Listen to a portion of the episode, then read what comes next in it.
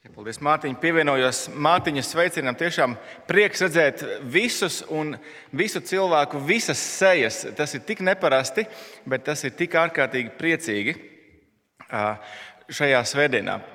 Priecājos sveikt arī visus tos, kas pievienojās joprojām mums tiešsaistē. Šajā brīdī gan vērsim vaļā Lūkas evaņģēliju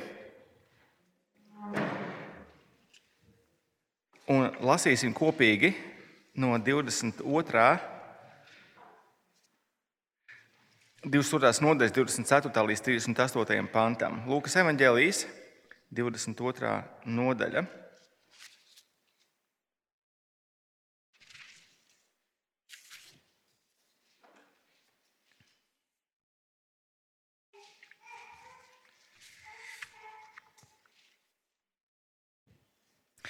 Un viņu starpā izcēlās strīds, kurš no viņiem būtu uzskatāms par lielāko.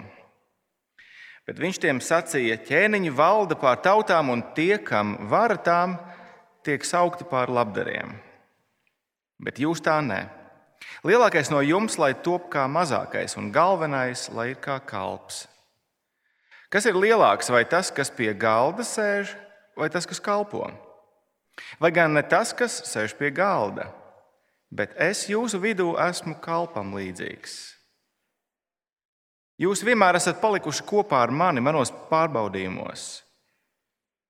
Un es jums novēlu valstību, tāpat kā mans tēvs to novēlēja man, lai jūs ēstu un dzertu pie mana galda, manā valstībā un sēdētu troņos, tiesādam 12 Izraēla ciltis. Sīmani, Sīmani, redzi, Sātans gribējis jūs sijāt kā kviešus, bet es esmu lūdzis par tevi, lai tava ticība nemitētos. Un, kad tu būsi atgriezies, stiprini savus brāļus. Tas viņam sacīja, Kungs, es esmu gatavs ar tevi doties pat cietumā un nāvē. Bet Jēzus sacīja, es tev saku, Pēteri, vēl gailis nebūs šodien nodziedājis, pirms tu trīs reizes nolieksi, ka mani pazīsti. Viņš tiem sacīja, kad es jūs sūtīju bez maka, bez somas un bez apaviem, vai jums kā trūka? Un tie atbildēja, nekā. Un viņš tiem sacīja, bet tagad, kam ir maks, lai to ņem, tāpat arī somu, un kam nav, tas lai pārdod drēbes un lai pērk zobenu. Jo es jums saku, pie manis ir jāto piepildītiem rakstu vārdiem.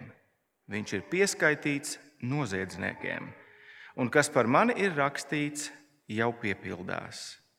Viņi sacīja, Kungs, redzi, šeit ir divi zobeni. Un viņš tiem sacīja, pietiek. Pirms mēs lasām pārdomāto vārdu, ļaujiet, es vadīšu mūs pavisam īsā lūkšanā.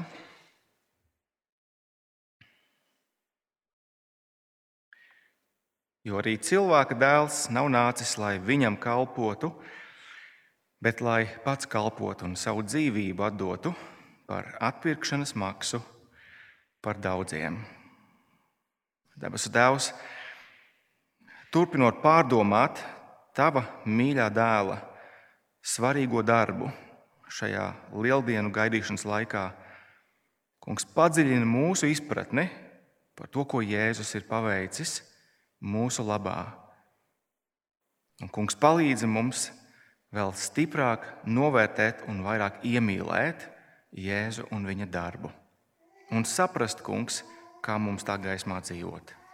Viņa vārdā to lūdzam. Āmen. Jums palīdz izsakot līdzi, turpmākajās minūtēs sacītājiem varat paņemt arī šo, šo diploma lapiņas svētums izklāstu un turēt jūsu priekšā. Eh, jūs no lasījuma, es domāju, ka nopratāt, ka mūsu šīs dienas tēma ir, ir kalpošana. Būt par kristieti nozīmē kalpot. Vai tas ir pirmais, ko cilvēki saka, kad viņi sastopas ar kristiešiem? O, tu, tu droši vien esi kristietis, jo tu pašaizliedzīgi kalpo. Es ceru, ka cilvēki tā saka par tevi. Bet, ja mēs esam godīgi, mūsu motivācija tik bieži ir dalīta, divējāda. Lai arī mūsu gars ir labprātīgs, mūsu miesa tik bieži ir vāja. Mēs zinām to pēc tā, kas notiek mūsu sirdī, sastopoties ar dažādām cilvēku vajadzībām mums apkārt. Bet kā ar maniem plāniem? Kā ar, kā ar manu komfortu, manām vērtībām? Viens draugs man vaļsirdīgi atzinās, tas nebija mātiņš, kāda bija viņa pirmā reakcija, kad viņš saņēma ziņu par attālināta radinieka nāvi un uzaicinājumu uz bērēm. O, nē, man būs jāceļ futbola spēle. Kā ar maniem nedēļas nogalas plāniem? Būt par kalpu nenākas dabīgi, pareizi. Un, draugi, tieši to mēs ieraugām Jēzus mācekļu starpā pēdējās vakariņās Lūkas evanģēlīja 22. nodaļā. Jēzus tikko ir pavēstījis, ka caur viņa nenovēršamo nāvi Dievs nostiprinās savu valdīšanu. Dievs paveiks savu glābšanas darbu un Dievs padarīs iespējamas attiecības ar sevi. Taču mācekļi šajā brīdī domā, tikai par sevi. Kurš ir vislielākais, kurš ir vissliktākais, kurš ir visdrosmīgākais? Pie kāda, pie kāda nosacījuma mēs teiksim, ka būt par kristieti nozīmē būt par kalpu. Un tā arī dzīvosim. Pie kāda nosacījuma? Un Lūkas atbilde ir, ka mēs satvērsim, ka Jēzus nāca, lai kalpotu. Ieskatieties kopā ar mani 27. pantā. Jēzus saka, bet es jūsu vidū esmu kalpam līdzīgs. Bet vēl vairāk, kad mēs satversim, ka Jēzus kalpošanas pārākā izpausme bija viņa krusta nāve grēcinieku vietā. Jēzus nomira, lai kalpotu. Palūkieties 37. pantā. Jo es jums saku, pie manis ir jātop piepildītiem rakstu vārdiem. Viņš ir pieskaitīts noziedzniekiem. Šī izpratne, šī izpratne tad arī būs zāles pret mūsu grēku, zāles pret mūsu lepnumu, lepnību. Un otrkārt, šī izpratne tad dāvās arī mums tik vajadzīgo pārliecību par Jēzus gādību mūsu kļūmēs, Jēzus gādību mūsu turpmākajā kalpošanā. Manuprāt, tāds ir Jēzus īsās mācību stundas nolūks pie šīm pēdējām vakariņām mūsu raksturvietā. Tad pievērsīsimies visu, visu, visu eh, pirms pirmajam šai divkāršajai problēmai, kas ir, eh, kas ir priekšplānā šobrīd mūsu raksturvietā. Mūsu grēks un mūsu lepnums. Jēzus tikko ir runājis par to, kas un kā ar viņu notiks un ko tas paveiks. Proti, viņš nomirs, viņa nāve nostiprinās, dieva valdīšanu, caur viņa nāvi grēcinieki tiks izglābti, un tomēr šis iepriekš nolemtais notikums piepildīsies caur šaušalīgu nodevību. Nedaudz paskatīsimies atpakaļ iepriekšējās eh, raksturvietas noslēgumā, un Jūdas situācijā, kas atklāja grēka problēmu. Šis Jēzus paziņojums pie pēdējām vakariņām mēs ieraugām, tas mācekļu starpā izraisīja strīdu. Viņi sāka apšaubīt cits citu. Kurš ir vissliktākais no viņiem? Mēs skatāmies 23. pantā. Viņi sāka cits citam taujāt, kurš no viņiem to grasās darīt. Mēs varam tikai un vienīgi iztēloties dažādos ieganstus eh, viņu savstarpējās sarunās. Kurš tad tiešām ir tas vissliktākais? Kāds saka, tu vienmēr salaid grīstē visus mūsu, visas mūsu Airbnb rezervācijas. Kāds cits saka, bet tu nekad nenopērci visu vajadzīgo mūsu kopīgajām maltītēm. Un vēl kāds saka, tu toreiz aizmirsi laikus rezervēt tos ēzeļus mūsu ceļojumam. Un mēs visi toreiz devāmies 50 km ar kājām līdz Kapernaumai. Bet tu, bet tu, bet tu. Un savā ķildās un vainu meklēšanā viņi nemaz neaizdomājās šajā brīdī visticamāk, ko īstenībā nozīmētu Jēzu nodot. Interesanti, vai Jūdas šajā brīdī tiešām sadzirdēja Jēzus vai brīdinājumu? Vai tu maz aptver, kur tu grasies darīt, kādā galējā tumsā tu šobrīd grasies iekāpt? Un patiešām tas bija īsts brīdinājums jūdam, bet tas nebija brīdinājums tikai jūdam, bet arī pārējiem mācekļiem, ieskaitot mūs. Proti, mēs redzam, ka Jēzus saka, ir iespējams sludināt Jēzus vārdā, ir iespējams izdzīt ļaunos garus Jēzus vārdā. Ir iespējams būt lieciniekam tam, ka Dieva dēls pilnībā piepilda savu tēva plānu un gribu, bet vienlaikus nepiederēt pie Jēzus ļaudīm. Tas ir iespējams. Draugi, nepārprotiet mani, es stingri ticu mācībai par svēto pastāvēšanu. Tie, kas ir Kristū, var būt pilnīgi droši, ka viņi arī satiks Kristu kā savu glābēju. Bet tikpat stingri es ticu, ka veids, kādā svētie piedzīvo šo dienu, ir caur klausīšanos brīdinājumos. Es ticu, ka Lūka šajā brīdī vēlas kaut kādā ziņā nedaudz izsist mūs no sliedēm, pat nedaudz iedvest tādas šausmas mūsos, lai tikai mēs nekristu šajā, šajā līdzīgajā grēkā, nenodotu Jēzu. Kādas ir zāles pret šādu grēku? Turēt savu acu priekšā Jēzu, kurš deva par mums savu miesu, kurš par mums izlēja savas asinis. Kā Apostols Pāvils saka vēstulē galotiešiem, turēt savu acu priekšā Dieva dēlu, kas man ir mīlējis un kas ir devis sevi par mani.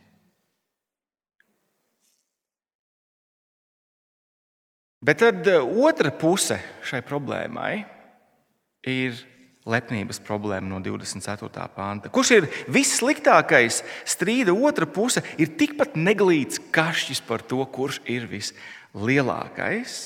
Un atkal mēs varam iztēloties pēdiņā šīs draudzīgās sarunas pie galda. Neminēšu mācekļus vārdos, bet jūs jau paši nojautīsiet.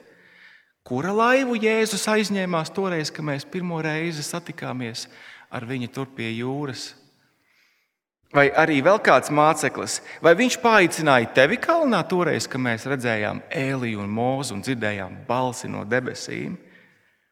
Bet es bet es, bet manu. Ir, protams, ka viegli nosodīt mācekļus pareizi par viņu pārņemtību ar savu lielumu. Bet vai nav tā, ka mēs ieraugām, ja mēs tā rūpīgi pārvērtējam sevi, ļoti līdzīgus impulsus arī savā dzīvēm? Tie kādreiz var būt vecāki, kuri piesaista savu nozīmīgumu vai vērtības sajūtu bērnu sasniegumiem. Tas var būt darbinieks, kurš ir pārņemts ar savu kolēģu izkonkurēšanu darbā, vai skolnieks vai students, kurš ir pārņemts ar, ar klases biedru pārspēšanu atzīmēs, eksāmenos. Mēs augstam, lai citi atzītu to, cik mēs īstenībā esam neparasti, cik mēs esam īpaši talantīgi. Un, ja mēs esam godīgi, tad mums būtu jāatzīst, ka arī mēs vēlamies personisko uzslavu, slavu, līdzīgi kā to gribēja mācekļi. Mēs gluži vienkārši esam pārāk lepni, lai par to tā atklāti un skaļi strīdētos savā starpā. Jēzus tikko ir pateicis, ka viņš nu, viņš nodos savu miesu un izlies savas asinis mācekļu labā. Bet vienīgais, ko viņi šajā brīdī spēja, par ko viņi spēja domāt, ir, kurš ir vislielākais vai kurš ir vissliktākais. Un es domāju, ka mēs varētu saprast, ja Jēzus šajā brīdī vienkārši paņemtu un to galdu apspiestu otrādi. Tā nebūtu varbūt pirmā reize, viņš templī kaut ko līdzīgu bija izdarījis. Tādās taisnīgās dusmās. Es domāju, ka tie vecāki, kas, kas ir vecāki, spēj saprast, cik grūti ir panest bērnu kašķus pie galda, kas sēž un vienkārši tajā vietā, lai ēstu mierīgi, viņi vienkārši, vienkārši zāģē viens otram. Mēs varētu saprast pareizi, bet ko dara Jēzus? Jēzus izmanto šo brīdi, kā mācību stundu tam, ko nozīmē būt par kristieti. No 25. panta mēs redzam Jēzus atbildi, divējādo atbildi mācekļiem. Pirmkārt, Jēzus paskaidro, kāds kristiešu ceļš nav ieskatieties 25. pantā, bet viņš tiem sacīja, ķēniņi valda pār tautām, un tiem, kam vara pār tām, tiek saukti par labdariem. Jēzus saka, pasaulē lietas notiek tā.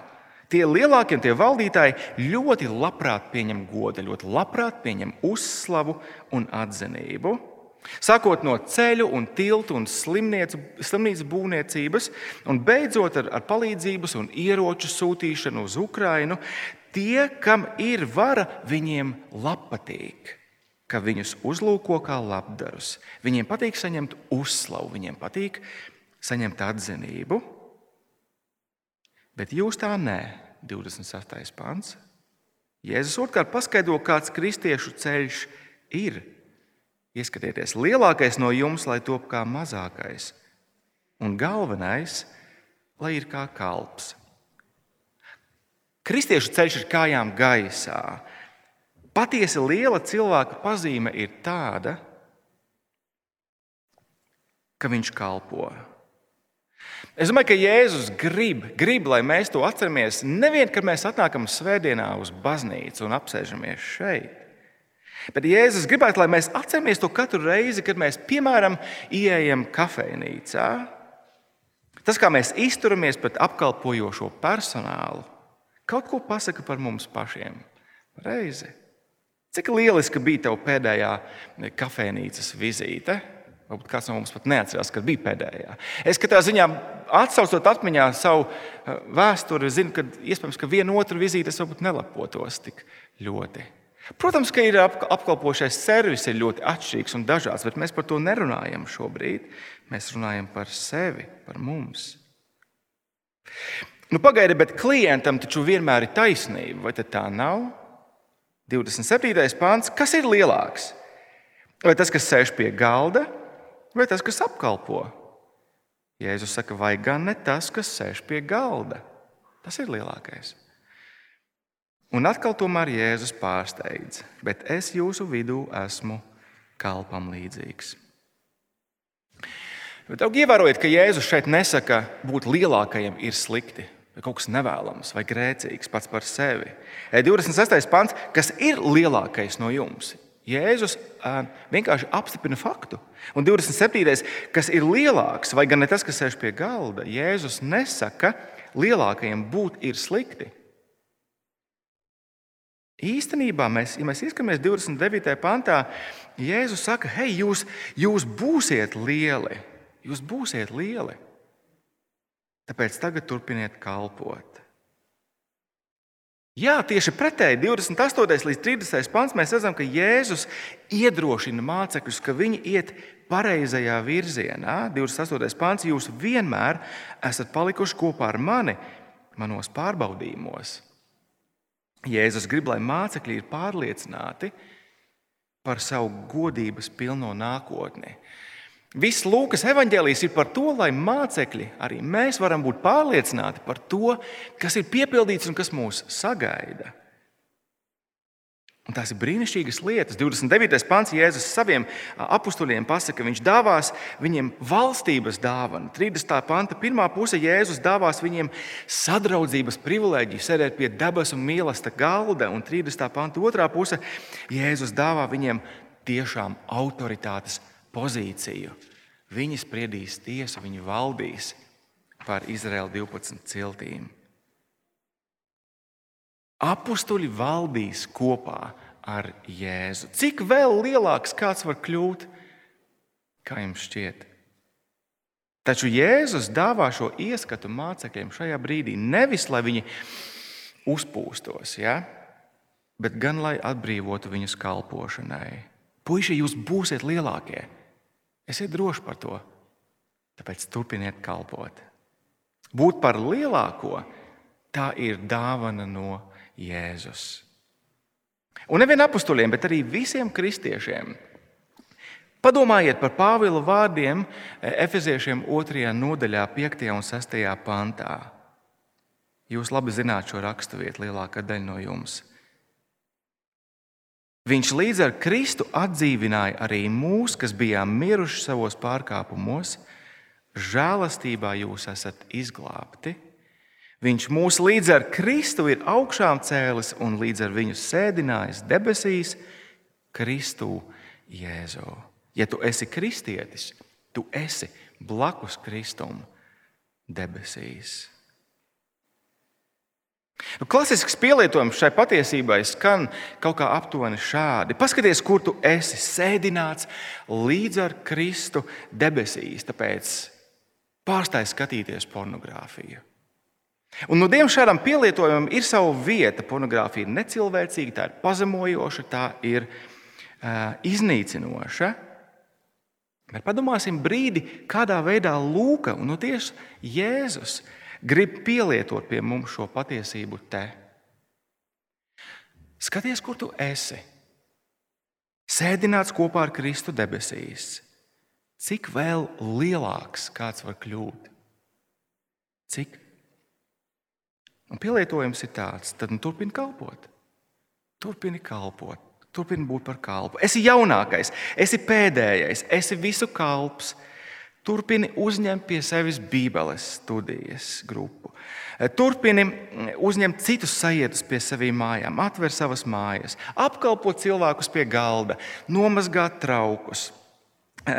Sagatavo pasniedz tējas pirms pēc dievkalpojuma.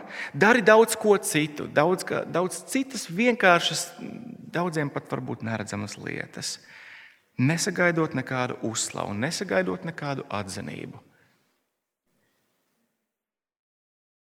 Būt par kristieti nozīmē kalpot, jo mūsu meistars ir kalpam līdzīgs. Jēzus kalpošanas pārākā izpausme bija viņa krusta nāve. Tādu grēcinieku vietā kā es, tādu grēcinieku vietā kā tu. Un šī patiesība arī palīdzēs, draugi, mums cīnīties ar savu grēku, cīnīties ar savu lepnību. Jēzus upuris un kalpošanas piemērs palīdz turpināt kalpot, piedzīvojot kļūmes un daudz grūtības. Un par to, manuprāt, Jēzus runā no 31. līdz 38. pantam. Tā ir divkāršā Jēzus gādība. Pirmkārt, mūsu kļūmēs, un otrkārt, mūsu pastāvīgajā kalpošanā. Nu, Iedomājieties, nākamajās 24 stundās Jēzus tūlīt piedzīvos visbaisākās ciešanas. Un viņš šajā brīdī atrod vēl laiku, lai stiprinātu, lai, lai iedrošinātu, lai sagatavotu savus mācekļus. Vēl pārsteidzošāk, Jēzus dara to, zinot, ka pilnīgi visi viņu pievils. Visi kā viens. Jēzus gādā par mums, mūsu kļūmēs. Sīmani, Sīmani, redzi, Sātans gribējis jūs sijāt kā kviešus, bet es esmu lūdzis par tevi, lai tava ticība nemitētos, un kad tu būsi atgriezies, stiprini savus brāļus. Kā cilvēki aprakstīja to, kāda izskatās kristieša dzīve, kad tu tikko kļuvi par kristieti? Vai viņi iekļāva savā aprakstā 31. pāntu? Kad tu kļūsi par kristieti, tevi pastāvīgi sijās sātans. Pievienojies jauno draugu locekļu semināram trešdienās, pulkstenes sešos. Protams, ka Jēzus šeit e, īpaši runā uz Pēteri. Mēs redzam, 33. un 34. pantā, Pēters ne tikai nespēs iet cietumā Jēzus dēļ, pat, pat nerunājot par to, ka viņš varētu nomirt Jēzus dēļ, viņš pat nespēja apliecināt, nespēs apliecināt, ka viņš pazīst Jēzu. Un šī no dienas ir satraucoša valoda. Būtiski Sātans ir pieprasījis, pieprasījis mācekļus. Sijāšana ietver sevī vardarbīgu kratīšanu ar nolūku nošķirt labo no sliktā. Lūk, pārbaudījums, ar kuru visi mācekļi sastapsies gaidāmajās 24 stundās. Sātans viņus sijās, kā kviešus. Mums ir jāsaprot šajā brīdī viena lieta ļoti skaidri, un tas ir svarīgi, ka sātana vara ir tikai tik liela, cik Dievs to pieļauj. Padomājiet par šo. Cik pārsteidzoši ir tas, ka mēs pagājušajā nedēļā redzējām, ka Sātans iegāja jūdā, bet iegāja vienīgi jūdā. Pēters arī nodeva Jēzu pareizi, taču kaut kādā ziņā tas bija citādāk. Kas bija citādāk? Sātans tika ierobežots. Kas ierobežoja Sātanu? 32. pāns. Bet es esmu lūdzis par tevi, lai tava ticība nemitētos. Pēteris pievīla Jēzu. Bet Jēzus gādāja par viņu viņa kļūmē. Es esmu aizlicis vārdu par tevi visa, visa, visuma radītāja priekšā, Pēteri. Sātans nedabūs tevi. Kāds aizstāvis Pēterim ir? Kāds aizstāvis mums ir?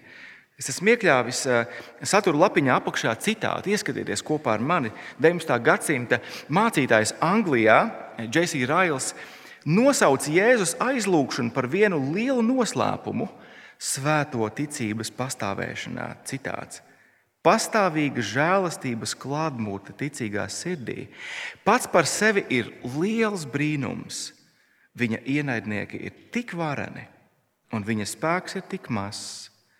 Pasaule tik pilna ar slazdiem, un viņa sirds ir tik vāja, ka pirmajā brīdī viņa nonākšana debesīs šķiet neiespējama.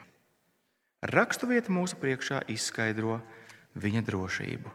Viņam ir varants draugs pie dieva labās rokas. Ak, kāds patiess draugs ir Jēzus! Bet es esmu lūdzis par tevi. Vai šie vārdi nebija kā tāda balzāma eļļa Pētera dvēselē? Draugi, vai šie vārdi nav kā tāda balzāma eļļa mūsu dvēselēm? Mēs neizbēgami turpināsim pievilkt cits citu, pievilkt Dievu savās domās, savos vārdos, savos darbos. Bet brīnišķīgais es. Kā viens mācītājs teica, katra dvēsele, kas tiek kārdināta, var ar visu savu svaru balstīties uz šo lielisko advokātu, šo brīnišķīgo es. Ar visu pagātnes vainas apziņu, ar visu grēcīgo šodienu, ar visu nezināmo rītdienu, es esmu lūdzis par tevi Mūsu žēlsirdīgais kungs veltīja laiku, lai rūpētos par saviem mācekļiem, kamēr Sātans viņus sijā. Viņš gādā par viņiem viņu trūkumos. Bet vai tam ir jābūt tik grūti, vai obligāti tam ir jābūt tik grūti? Kāpēc kristieša dzīve nevar būt vieglāka? Un es domāju, to saka kāds, kurš iespējams joprojām ir medus mēneša attiecību fāzē ar Jēzu. Vai arī vēl īsti līdz galam nesaprot, par ko ir kristiešu dzīve. Jēzus gādā par mums mūsu kalpošanā. Mēs redzam to no 35. panta. Jēzus tiem sacīja, kad es jūs sūtīju bez maka, bez somas un bez apaviem, vai jums kā trūka? Un tie atbildēja, nekā. Mēs redzam, ka, ka šis 35. pāns pareizi apraksta mācekļus, kas visticamāk joprojām ir savā medus mēneša attiecību stadijā kopā ar Jēzu. Trīs ar pus gadu ilgajā medus mēnesī attiecībās ar Jēzu. Acīm redzot, mācekļi piedzīvoja viesmīlību, tāpēc ka Jēzus bija gluži vienkārši populārs.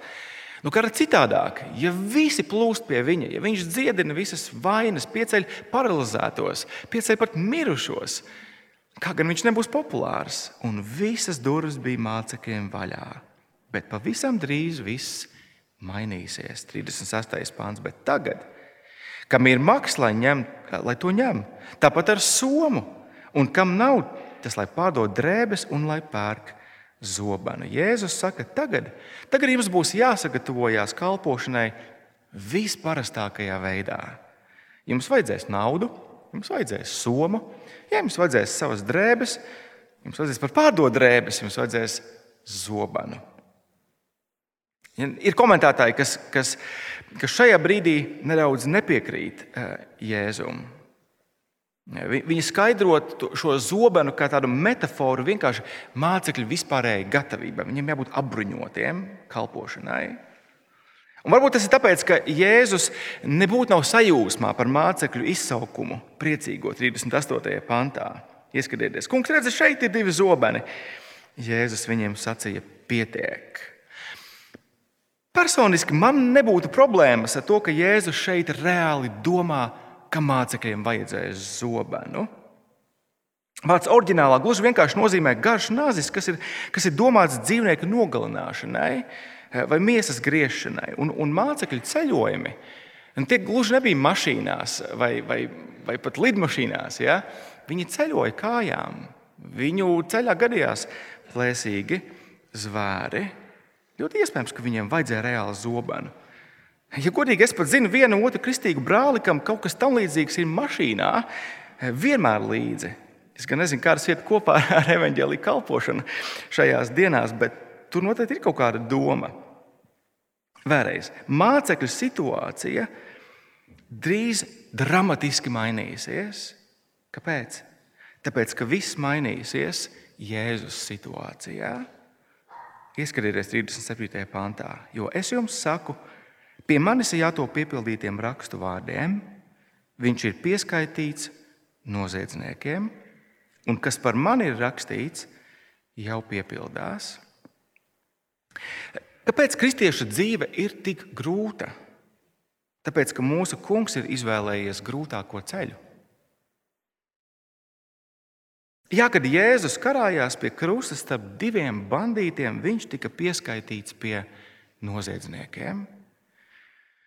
Bet kā mēs pagājušajā nedēļā redzējām, tas nebija tāds sazvērestības triumfs. Nē, 37. pantā Jēzus citē kalpa dziesmu no Iesaijas grāmatas 53. nodaļas, kurā mēs saprotam, ka kalps labprātīgi nodod savu dzīvi, savu dvēseli nāvē, un tā viņš tiek pieskaitīts noziedzniekiem. Kāpēc viņš tika pieskaitīts noziedzniekiem? Tāpēc ka viņš nodod savu dvēseli par salīdzinājumu upuri. 53.12. Kaut gan viņš nesa daudzu grēkus un aizlūdza par ļaundariem, Kungs gādā par mums mūsu kalpošanā.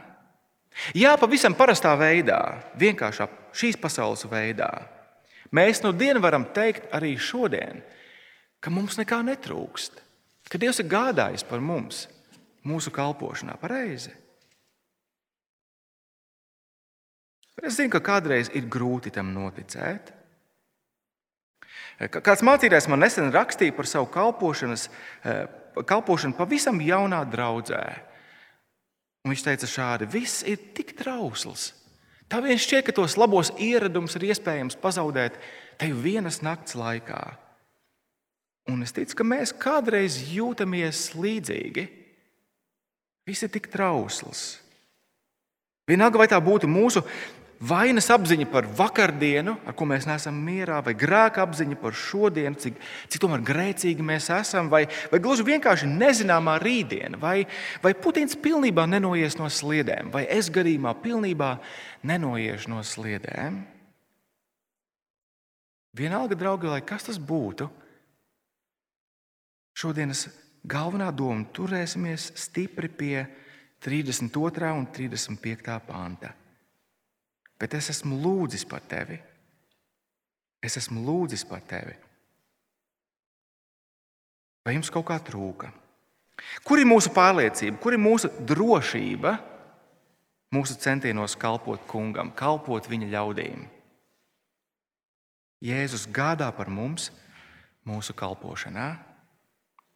Un Jēzus kalpošanas pārākā izpausme, viņa krusta nāve grēcinieku vietā. Jā, tas ir zāles pret, pret mūsu grēku, zāles pret mūsu lepnību. Un caur to Jēzus gādā, turpina gādāt par mums mūsu kļūmēs un arī mūsu pastāvīgajā kalpošanā. Lūksim īsti Dievu!